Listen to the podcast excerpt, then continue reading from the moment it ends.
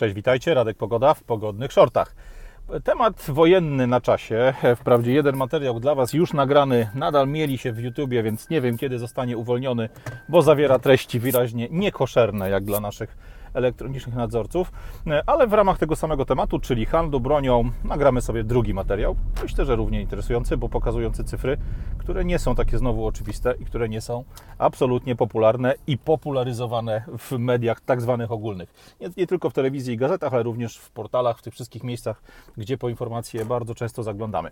E, porozmawiamy na temat broni. E, broni produkowanej w Europie i z Europy sprzedawanej na eksport. Eksport tutaj, wszystkie cyfry, o których będziemy mówić, e, dotyczy eksportu zarówno wewnątrz Unii Europejskiej, czy wewnątrz Europy, e, więc kraje, które będziemy wymieniali, te, które należą e, do wspólnoty europejskiej, mogą część tych kwot wymieniać między sobą. Tak jest na przykład między Włochami i Niemcami, między Francją i Niemcami, czy innymi krajami w ramach właśnie wspólnoty europejskiej. Ale popatrzeć, popatrzeć chciałem głównie na to, jak różni się przekaz okołowojenny związany z wojną na Ukrainie, co do której już nikt nie ma wątpliwości, że nie jest e, blitzkriegiem, trzydniowym zajęciem Krymu e, czy akcją Zielonych Ludzików 2.0, e, tylko jest poważną, dużą operacją wojskową prowadzoną przez Rosjan w celu zajęcia stolicy kraju, przejęcia całej władzy, wsadzenia tam jakiejś swojej marionetki w miejsce prezydenta wybranego w legalnych wyborach i de facto przejęcia Ukrainy jako terenu, który kiedyś należał do rosyjskiej strefy wpływów. Patrzymy więc na sprzedaż broni. E, dane, które udało mi się zdobyć, są w miarę świeże, bo kończą się w roku 2020 e, i obejmują okres 2013-2020.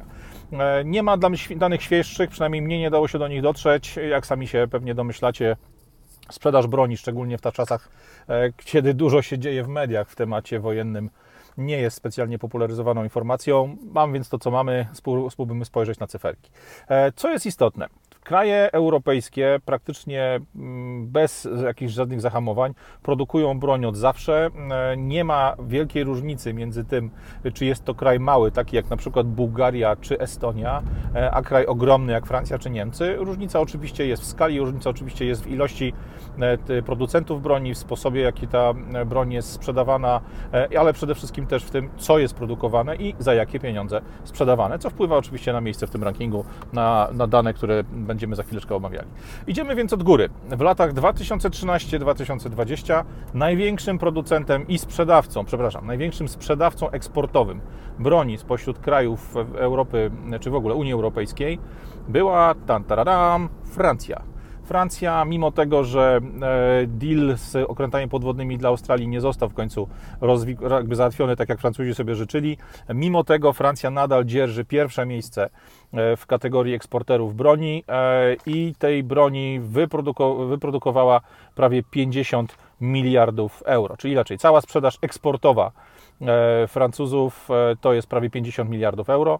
Podobnie jest z Niemcami, też kwota 50 miliardów euro. To są różnice rzędu kilkuset, e, kilkuset tysięcy w jedną czy w drugą stronę. Można więc powiedzieć, że obydwa kraje, które najmocniej w Europie pompują frazes pokoju, demokracji i spokoju międzynarodowego są absolutnymi, e, absolutnej czołówce, jeśli chodzi o eksportową sprzedaż uzbrojenia.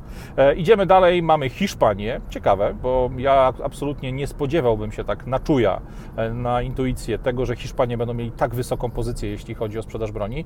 Natomiast no, ta wysoka pozycja trzecia wcale nie oznacza, że są równorzędnym konkurentem dla Niemców i Francuzów, bo tak jak tamci mają po prawie 50 miliardów sprzedaży w okresie tych, tych lat 2013 2020, tak Hiszpanie mają marne 30 miliardów. Potem mamy Włochów 22 miliardy, e, Szwecję, Bułgarię, Czechy, Holandię, parę innych krajów, które mają te kwoty drobniejsze. Na tej liście jest też Polska. E, I dla porównania, Niemcy 49 miliardów z kawałkiem, Francja 49 miliardów z kawałkiem, my, Polacy, marne 3,2 miliarda dolarów. Ok, Dalej kwota, która jest pokaźna, natomiast widzicie, jaka jest ogromna dysproporcja między sprzedażą eksportową broni e, tych absolutnych potęg gospodarczych e, europejskich i naszego małego kraju na skraju świata. E, dokąd europejscy producenci, dokąd europejskie fabryki, europejskie kraje sprzedają broń? A tu niestety e, widać, albo stety, widać tak naprawdę kierunki, na których, no nie czarujmy się, toczą się gorące konflikty. E, na pierwszym miejscu są Stany Zjednoczone, to jest ponad 15 e, bilionów, czy tam miliardów dolarów odbieranej broni przez Amerykę w tym czasie przez Stany Zjednoczone. E, oczywiście broń kupowana przez Stany Zjednoczone niekoniecznie używana jest tylko i wyłącznie w Stanach. Ona jest używana nie tylko w krajach, w których same amerykańskie siły powietrzne, siły lądowe, czy marynarka, czy Marines walczą. Ta broń, wiadomo, używana jest również do dalszych dostaw na potrzeby armii izraelskiej, armii saudyjskiej i wielu, wielu innych miejsc, gdzie Amerykanie zaangażowani są bezpośrednio militarnie lub pośrednio w formie dostaw broni, dostaw wyposażenia e, dla stron walczących.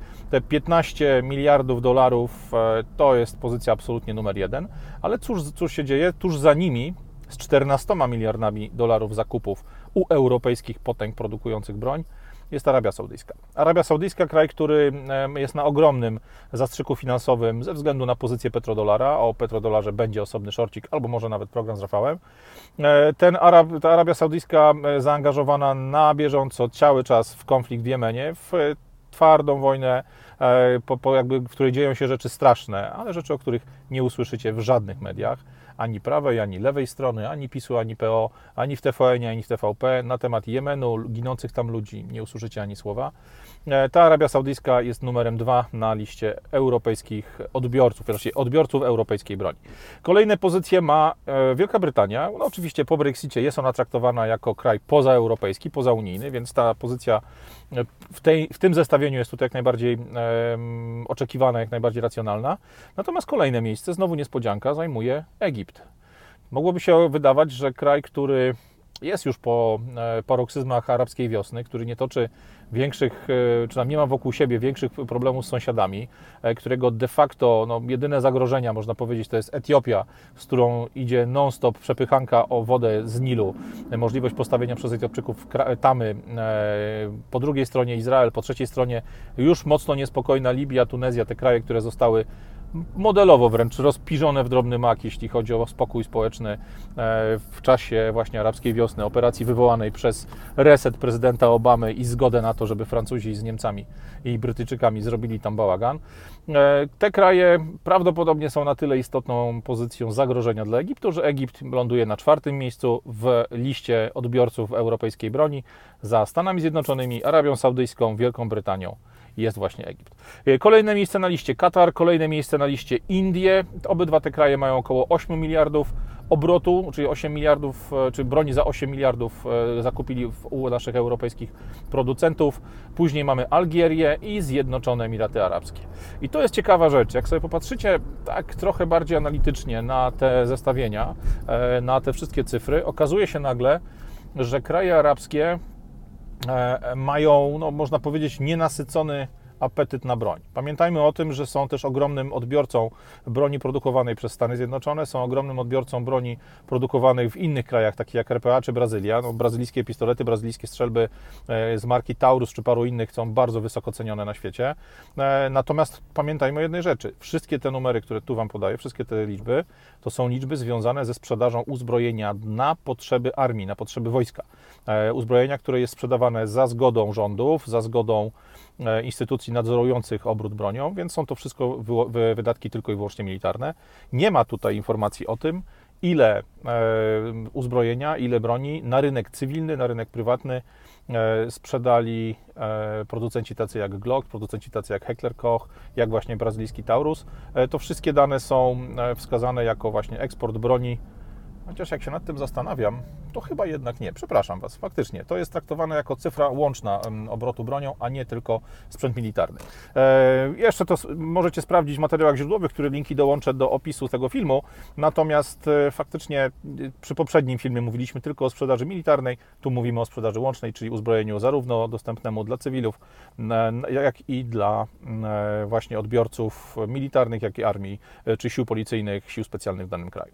E, jak wyglądają te cyferki, jak przełożyć przełożymy je sobie na e, fakty. No, co się sprzedaje, dokąd się sprzedaje, jakie firmy funkcjonują. Weźmy sobie na dobry początek e, trzy rynki, które no, tu mają czołowe pozycje. E, zaczynamy od Francuzów.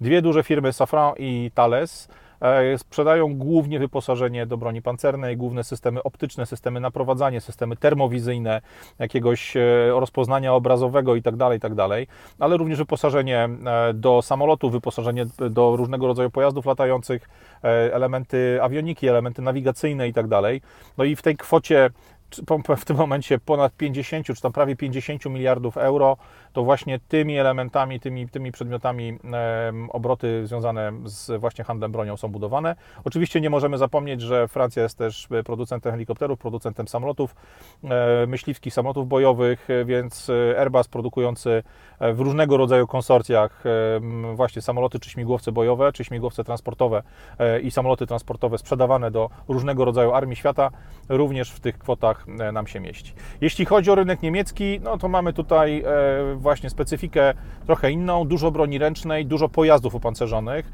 i znowu w związku z tym, że dane te są jakby zbierane na podstawie takiej, no, można powiedzieć, zgrubnej klasyfikacji, nie mamy super szczegółowych informacji o każdym z kontraktów, nie wiemy do końca, czy pojazdy opancerzone, o których mowa jest w tych zestawieniach, to są tylko na przykład e, luksusowe limuzyny Mercedesa czy Audi, które w wersji opancerzonej służą do transportowania VIP-ów e, i w ten sposób są sprzedawane na świat, czy mówimy raczej o pojazdach opancerzonych służących do zwiadu, służących do jakiegoś e, wsparcia zaplecza pola walki, pojazdach sztabowych, radiowych itd., tak itd. Tak Te pojazdy też traktowane są jako pojazdy opancerzone, zgarniane do jednej kategorii, łączone razem z właśnie z autami osobowymi, które w takiej formie mogą być sprzedawane rządom, mogą być sprzedawane na przykład e, formacjom e, służb specjalnych, czy różnego rodzaju organizacjom wojskowym, czy, czy oddziałom wojskowym, które zajmują się ochroną na przykład VIP-owską. E, jeśli patrzymy dalej, mamy Włochy. Włochy bardzo dużo broni ręcznej. Tu oczywiście wiele fabryk we Włoszech, które funkcjonują w zakresie broni długiej, broni krótkiej, amunicji, tego uzbrojenia wykorzystywanego przez służby policyjne, przez służby specjalne, przez, również przez wojsko oczywiście i też cywilów. E, natomiast Włosi mają też bardzo mocną pozycję w sprzedaży pojazdów. Tu głównie Iveco króluje. Iveco ma fantastyczne pojazdy rozpoznania, pojazdy opancerzone, trochę lekkich ciężarówek 4x4, e, które mają ładowność koło tam, e, czy inaczej, masę całkowitą koło między 3,5 a 5 ton. To wszystko oparte jest o, o konstrukcję Iveco, które znamy, natomiast w wersji mocno hardkorowej, opancerzonej, przygotowanej do tego, żeby właśnie stanowić wozy będące podstawą pod zabudowę pojazdów sztabowych, pod pojazdów radiowych, jakichś komunikacji saperskich itd. Tak itd. To są te 3-4 kraje, które chciałem, żebyśmy omówili sobie trochę bardziej szczegółowo, e, żeby pokazać, że handel bronią nie zawsze musi oznaczać sprzedaż pistoletów, sprzedaż amunicji, sprzedaż materiałów wybuchowych, rakiet czy bomb. Można robić fantastyczne biznesy, również na sprzedaży sprzętu, który na co dzień niekoniecznie musi być wykorzystywany tylko przez wojsko. Można robić fantastyczne interesy, sprzedając właśnie pojazdy opancerzone, sprzedając samochody, które są przygotowywane jako auta wsparcia, jako auta techniczne, choćby do transportu zwykłych szwejów e, do, na, na miejsce zbiórki do tego, aby technicznie obsługiwać potrzeby wojska e, również w czasie pokoju. Popatrzmy na to wszystko trochę takim smutnym okiem. No bo polskie 3 miliardy z kawałkiem w porównaniu z niemieckimi czy francuskimi 50, czy nawet hiszpańskimi 30 miliardami, no to jednak jest kwota, która nie robi wrażenia, co byśmy nie mówili. Tu oczywiście trzeba brać pod uwagę też to, że no, znając specyfikę pewnych krajów w Europie, na przykład Hiszpanii, tutaj o niej głównie myślę, musimy pamiętać, że Hiszpania to jest obszar zdominowany absolutnie przez firmy niemieckie. Mogło się więc, może się więc okazać po jakimś głębszym sprawdzeniu, co siedzi w tych, w tych danych, co siedzi w tych liczbach, że część sprzedaży, którą e, raportuje jako kraj pochodzenia Hiszpania, może, może tak naprawdę zasilać kasy koncernów francuskich, koncernów niemieckich, czy choćby koncernów amerykańskich, bo rynek hiszpański, podobnie jak rynek polski, jest wykorzystywany bardzo powszechnie jako miejsce ciut tańszej siły roboczej, miejsce, w którym można fantastycznie robić interesy produkcyjne, właśnie związane z tym, aby produkcję uciążliwą, produkcję, która nie jest chlubą przenosić w takie, a nie inne miejsce. E, tyle z tego prostego zestawienia danych. Spokojnego dnia dla Was wszystkich. E, mam nadzieję, że w międzyczasie nasz drugi film dotyczący sprzedaży broni, ale sprzedaży broni z objętych, znaczy z krajów Unii Europejskiej do objętej embargiem na dostawy broni Rosji w międzyczasie zostanie odblokowany przez YouTube'a, wtedy będziecie mieli pełny obraz. Zarówno tego, kto ile produkuje, w tym filmie, który macie w tej chwili, jak i obraz tego, co na rynek rosyjski w latach, kiedy już Ukraina była okupowana, kiedy Krym już zasiedlały zielone ludziki, zostało wysłane do Rosji. Radek Pogoda, pogodne shorty, trzymajcie się i spokojnego dnia. Cześć!